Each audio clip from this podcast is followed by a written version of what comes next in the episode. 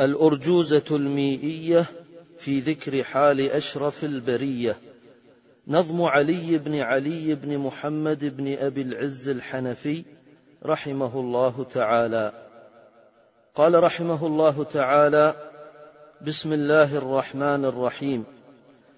الحمد لله القديم الباري ثم صلاته على المختار وبعدها كسيرة الرسول منظومة موجزة الفصول مولده في عاشر الفضيل ربيع الأول عام الفيل لكنما المشهور ثاني عشره في يوم الاثنين طلوع فجره ووافق العشرين من نيسان وقبله حين أبيه حانا وبعد عامين غدا فطيما جاءت به مرضعه سليما حليمة لأمه وعادت به لأهلها كما أرادت فبعد شهرين انشقاق بطنه وقيل بعد أربع من سنه وبعد ست مع شهر جاء وفاة أمه على الأبواء وجده للأب عبد المطلب بعد ثمان مات من غير كذب ثم أبو طالب العم كفل خدمته ثم إلى الشام رحل وذاك بعد عام اثني عشر وكان من أمر بحيرا ما اشتهر وسار نحو الشام أشرف الورى في عام خمسة وعشرين اذكرا لأمنا خديجة متجرا وعاد فيه رابحا مستبشرا. فكان فيه عقده عليها وبعده إفضاؤه إليها وولده منها خلا إبراهيم فالأول القاسم حاز التكريم وزينب رقية وفاطمة وأم كلثوم لهن خاتمة والطاهر الطيب عبد الله وقيل كل اسم لفرد زاهي والكل في حياته ذاق الحمام وبعده فاطمة بنصف عام وبعد خمس وثلاثين حضر. بنيان بيت الله لما أندثر وحكموه ورضوا بما حكم. في وضع ذاك الحجر الأسود ثم وبعد عام أربعين أرسلا. في يوم الاثنين يقينا فانقلا. في رمضان أو ربيع الأول وسورة تقرأ أول المنزل ثم الوضوء والصلاة علمه جبريل وهي ركعتان محكمة ثم مضت عشرون يوما كاملة فرمت الجن نجوم هائلة ثم دعا في رابع الأعوام بالأمر جهرة إلى الإسلام وأربع من النساء واثنا عشر من الرجال الصحب كل قد هجر إلى بلاد الحبش في خامس عام وفيه عادوا ثم عادوا لا ملام. ثلاثة هم وثمانون رجل ومعهم جماعة حتى كمل وهن عشر وثمان ثم قد. أسلم في السادس حمزة الأسد وبعد تسع من سني رسالته مات أبو طالب ذو كفالته وبعده خديجة توفيت. من بعد أيام ثلاثة مضت وبعد خمسين وربع أسلما. جن نصيبين وعادوا فاعلما. ثم على سودة أمضى عقده. في رمضان ثم كان بعده. عقد ابنة الصديق في شوال وبعد خمسين وعام تالي أسري به والصلوات فرضت خمسا بخمسين كما قد حفظت. والبيعة الأولى مع اثني عشر من أهل طيبة كما قد ذكر. وبعد ثنتين وخمسين أتى سبعون في الموسم هذا ثبت. من طيبة فبايعوا ثم هجر. مكة يوم اثنين من شهر صفر. فجاء طيبة الرضا يقينا. إذ كمل الثلاث والخمسين في يوم الاثنين ودام فيها. عشر سنين كملا نحكيها. أكمل في الأولى صلاة الحضر. من بعد ما جمع فاسمع خبري.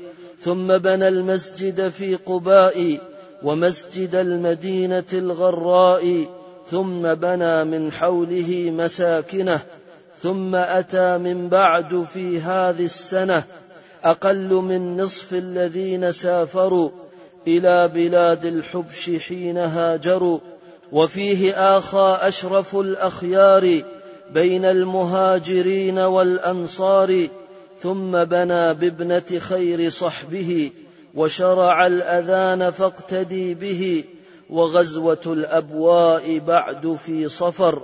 هذا وفي الثانية الغزو اشتهر إلى بواط ثم بدر ووجب. تحول القبلة في نصف رجب. من بعد ذي العشير يا إخواني وفرض شهر الصوم في شعبان.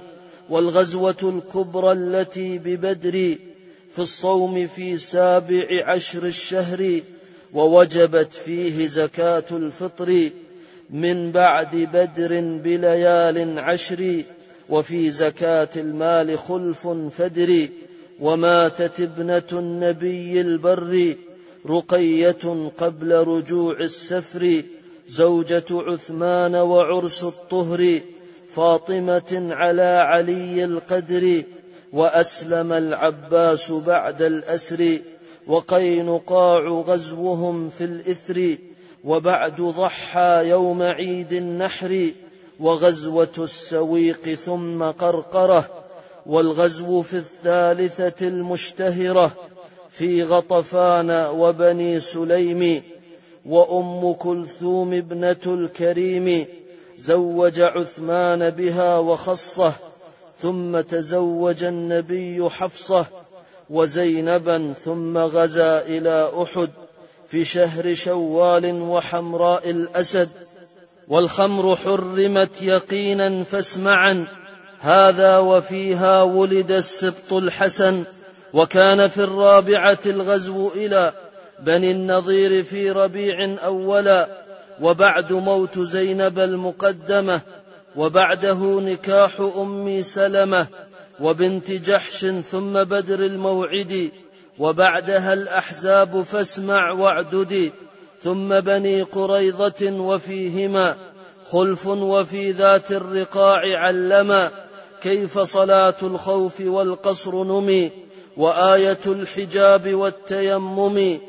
قبل ورجمه اليهوديين ومولد السبط الرضا الحسيني الإفك في غزو بني المصطلق وكان في الخامسة اسمع وثقي ودومة الجندل قبل وحصل عقد ابنة الحارث بعد واتصل وعقد ريحانة في ذي الخامسة ثم بنو لحيان بدء السادسة.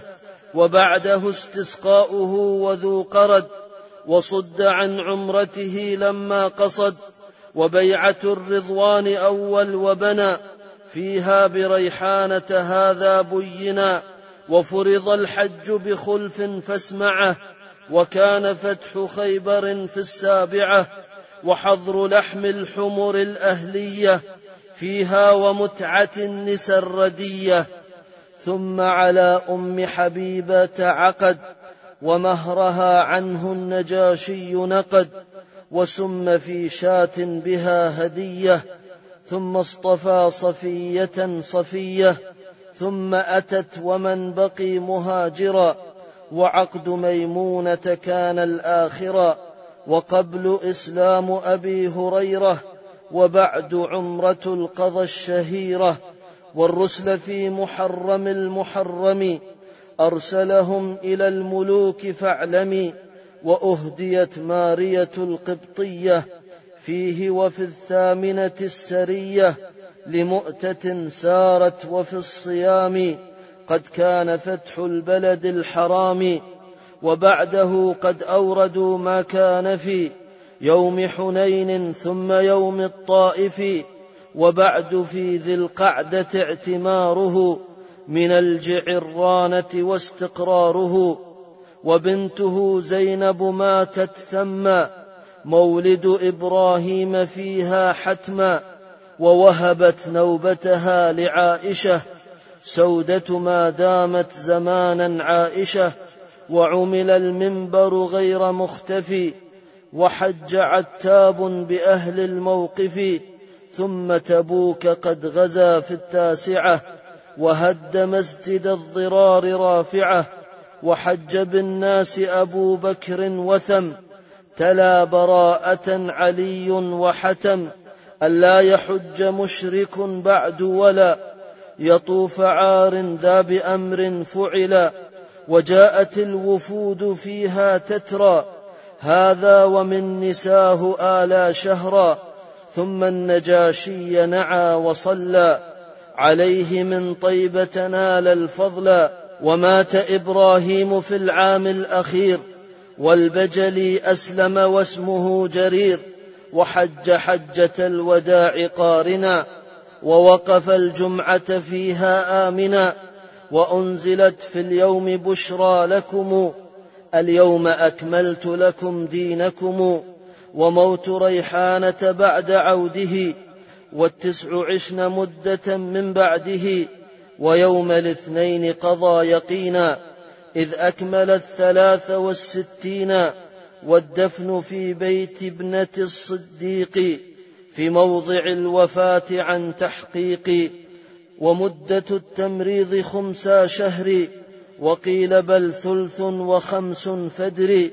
وتمت الأرجوزة الميئية في ذكر حال أشرف البرية.